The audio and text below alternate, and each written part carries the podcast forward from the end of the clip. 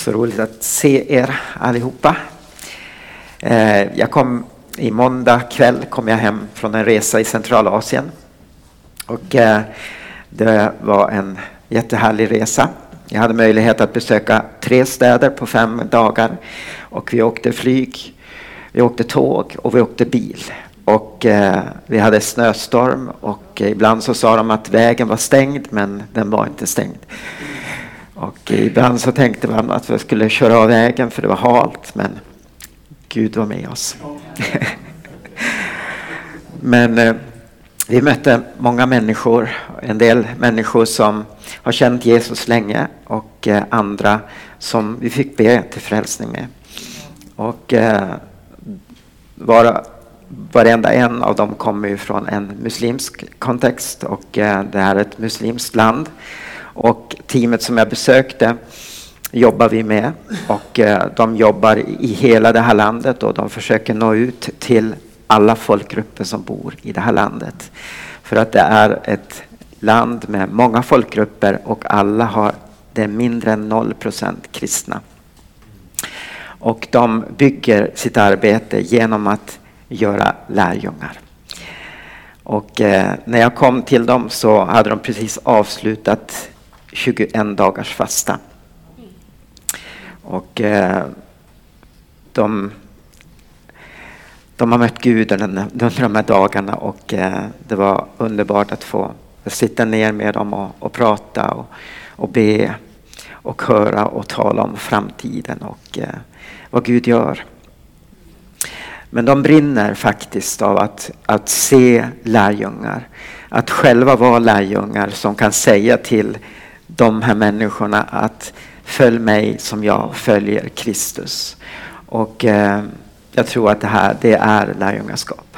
När du och jag kan säga att följ mig som jag följer Kristus. Vi har alla någon som är kortare i tron än vad vi själva är som vi kan leda med tillsammans mot Jesus.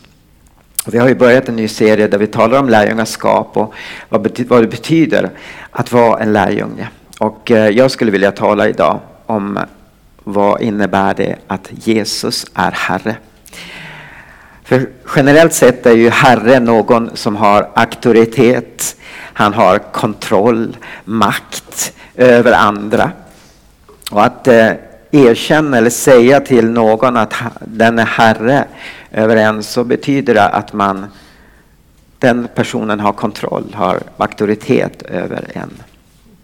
Och på Jesu tid så användes ju ofta också ordet Herre som, eh, som en titel som eh, man visade respekt. Så till exempel när den här spetälske mannen i Matteus 8 Eh, kommer fram till Jesus så kallade han Jesus för Herre. Och eh, så där visade han respekt till Jesus som lärare, som rabbi och som helare. Men efter att Jesus uppstått så blev titeln Herre mer som en tillämpning på, att när den tillämpades på Jesus, att han var mycket mer än bara en jordisk herre. Utan att säga Jesus är Herre betydde att man erkände Jesu gudom.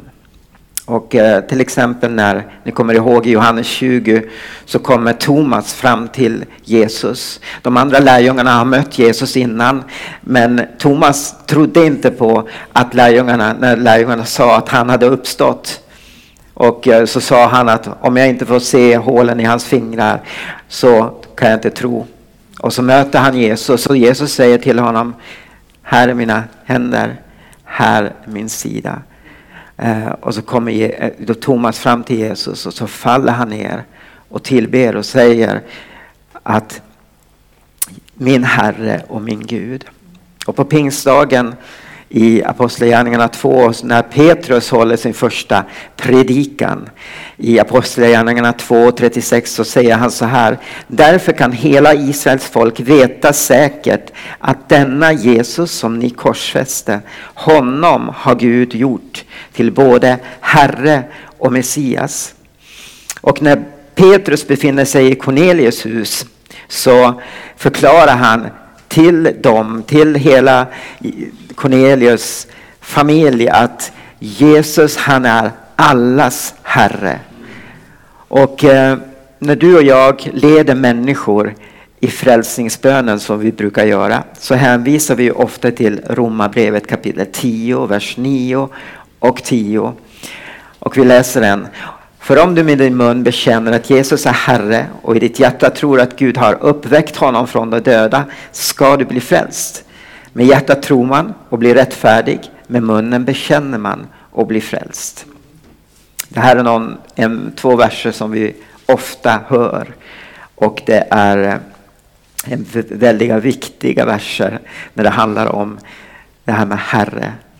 För ibland tror jag inte vi förstår och jag tror ofta att de människor som läser den här frälsningsbönen tillsammans med oss kanske inte riktigt förstår vad det innebär att ge och överlåta sig till Jesus. Ja, man tänker att han är frälsare, men vad innebär det att han också är Herre? I missionsbefallningen 18, 28 18 så säger Jesus då när han möter lärjungarna på berget att åt mig har getts all makt i himlen och på jorden. Och så sen säger han gå ut och gör alla folk till lärjungar. I Uppenbarelseboken kapitel 17 så, säger, så läser vi att han är herrarnas herre och kungars kung. Tänk er det alla jordiska herrar, alla jordiska kungar så har Jesus, han är herrarnas herre. Han är kungarnas kung. Han är den högste, den största.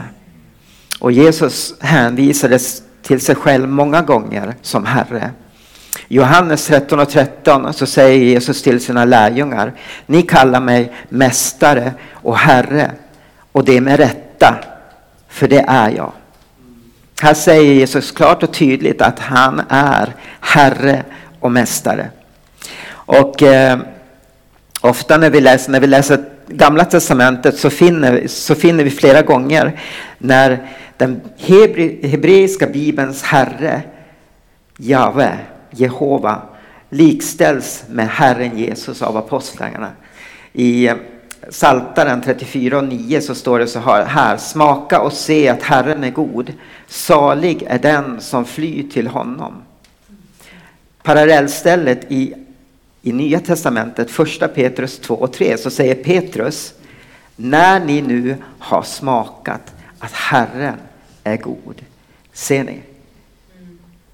Hänvisningen.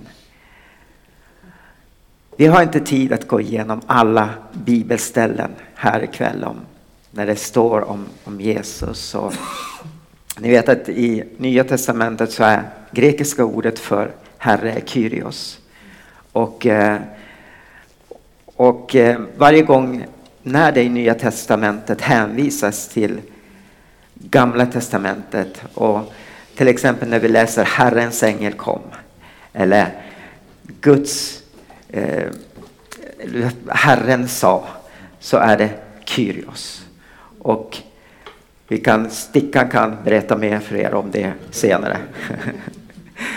Men Jesus han är Herren Gud. Och när du och jag bekänner Jesus som Herre så överlåter vi oss själva till att inte bara bli frälsta, inte bara få våra synder förlåtna utan vi och blir räddade från helvetet utan vi överlåter oss till att lyda honom. Att vara underställda honom. Och eh, Nya Testamentet det talar mycket om lydnad. Vi i Sverige tycker inte om lydnad. Vi, det tycker vi inte alls om att prata om och speciellt inte eh, när det handlar om Bibeln ibland. Men Jesus sa till exempel i Johannes 15 och 14. Ni är mina vänner om ni gör vad jag befaller er.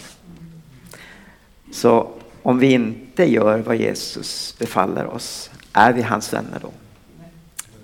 En fråga till er. I, kapitlet innan, 14-15, så säger Jesus om ni älskar mig håller ni fast vid mina bud om vi inte håller fast vid, vid Jesu bud, älskar vi honom? Bara sådana här frågor som vi kan ställa till oss själva. I Lukas 6 och 46 så säger Jesus, varför kallar ni mig Herre, Herre, när ni inte gör vad jag säger? Och sen går han vidare och han tar, tar en liknelse om två personer som bygger sina hus. En bygger sitt hus på en fast klippa och när översvämningen kommer och floden far över huset så står den fast. Men den andra han bygger sitt hus på lösan sand som vi sa in förut, men på eh, en grund som inte är fast. När floden kom så föll huset och eh, förödelsen blev stor. Så är det om vi inte lyder Jesus. När vi inte gör vad Jesus säger. Och det här tror jag är väldigt viktigt när vi talar om Herre. Vad det innebär att Jesus är Herre i våra liv. Så att när vi erkänner att Jesus är Herre, Jesus är Herre så åtföljs det här logiskt att vi underkastar oss Jesus och underkastar oss Jesu auktoritet. Om Jesus är Herre över våra liv, då äger han oss.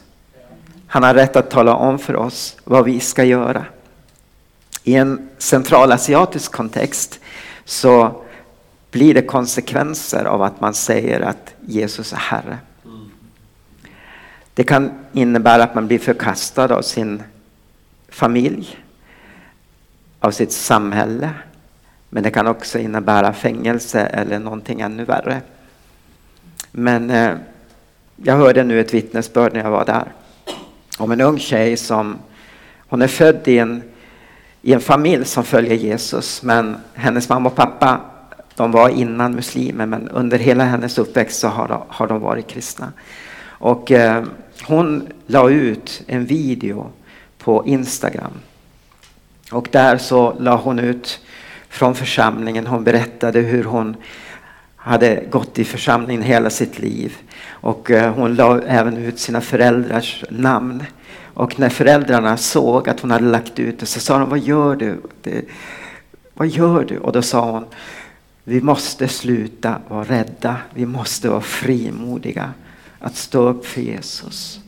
Och vet ni, den här videon som hon la ut på Instagram har fått mer än en miljon views. Alltså det är en, mer än en miljon människor som har, som har tittat på hennes vittnesbörd.